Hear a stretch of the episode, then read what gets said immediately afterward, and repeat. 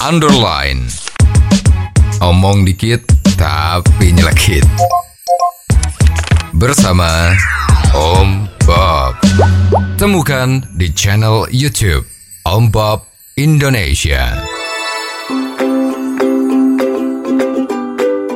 Om Bob, pemilu presiden tahun 2024 masih sekitar tiga tahun lagi, tapi sepertinya angin ribut terkait pencalonan presiden ini sudah mulai berhembus, sedangkan dari legislatif masih adem ayem aja. Gimana Om Bob menggarisbawahi masalah ini? Ya sebetulnya sekarang itu kalau pemilu itu kan berbareng ya. Betul. Ada pemilihan presiden, Mhm. pemilihan kepala daerah, juga pemilihan anggota legislatif Betul. yang diwakili oleh partai-partai. Ya, Ya sebetulnya negara itu baru bisa jalan dengan bagus Mhm. kalau di samping eksekutifnya itu baik, juga legislatifnya baik. betul. Ya karena tugas legislatif itu kan menciptakan undang-undang. Ya. menelurkan undang-undang Mhm. ya sedangkan eksekutif menjalankan apa yang tertuang di dalam undang-undang. Ya, ya. Nah, sekarang kalau presidennya baik Hmm. tapi lembaga yudikatifnya itu tidak baik.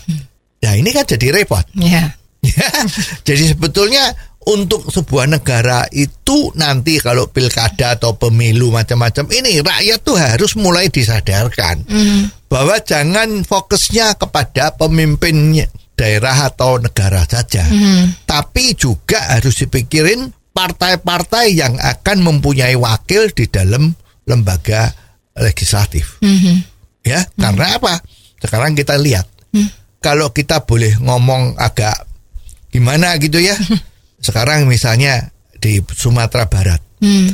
Sumatera Barat itu pemerintah sana mengatakan bahwa sepertinya kan ada semacam eh, undang-undang baru, undang-undang daerah ya, peraturan daerah atau apa itu yang seolah-olah itu Sumatera Barat itu menjadi wilayah yang istimewa. Hmm. Bahkan ada suara kalau ini harusnya bisa sama dengan Aceh Ya. Di Aceh itu kan diberlakukan syariat Islam. Hmm. ya di mana ada hukum cambuk macam-macam kan kita Iya. udah sering dengar itu. Nah sekarang Sumatera Barat juga ingin seperti itu. Hmm. katanya perdanya dia itu adalah perwujudan NKRI yang bernafaskan apa itu ya? Ya. itu bahasanya gimana ya? Pokoknya seperti itulah gitu kan? Nah ini kan semua juga ada yang heran. Hmm. ya termasuk Cokro TV ya. Ade Armando itu orang Minang ya. Tapi dia mengatakan kok ada perda seperti itu? Hmm. ya ini bisa diloloskan karena anggota DPR-nya yang di sana DPRD ya itu setara mayoritas dan menyetujui bahwa akan ada perda seperti itu. Ya seperti diketahui misalnya. Seperti waktu itu ya sekolahan-sekolahan negeri yang di Sumatera Barat itu untuk kaum perempuannya diwajibkan pakai hijab. Hmm. Lah ini waktu itu kan sudah dibatalkan berdasarkan surat keputusan bersama antara eh, Menteri Dalam Negeri sama Menteri Pendidikan dan Kebudayaan ya. Nah itu ternyata itu diajukan eh, judicial review. Ternyata dari pihak Mahkamah Konstitusi itu dibatalkan. Ya. Jadi sekarang kembali di sana harus pakai hijab. Ya. Nah, lah sekarang keluar perda yang hampir-hampir mirip seperti itu.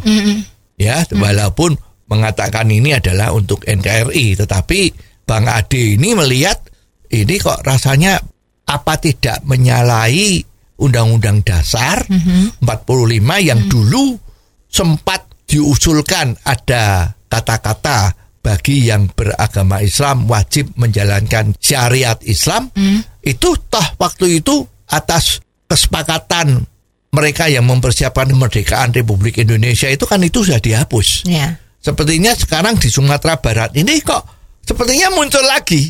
Ini kan sebetulnya bertentangan dengan undang-undang dasar 45. Ya, ya. Tapi kenapa lolos? Ya karena memang anggota-anggota legislatif itu oknum-oknumnya itu mungkin banyak yang nggak ngerti, yang kurang paham lah ya seperti itu. Jadi lolos. Jadi sebetulnya kalau nanti di dalam pemilu yang akan datang tahun 24 ini memang masyarakat harus mulai memikir jangan cuma fokus sama pemimpinnya tetapi juga harus milih partai-partai yang kira-kira membuat situasi menjadi nggak enak ini ya jangan dipilih lagi ya. Jadi pemilihan legislatif juga penting itu yang intinya adalah seperti itu Oh, jadi begitu ya Om Bob. Jelas deh sekarang. Terima kasih Om Bob untuk waktunya. Sampai ketemu lagi di waktu yang akan datang. Underline.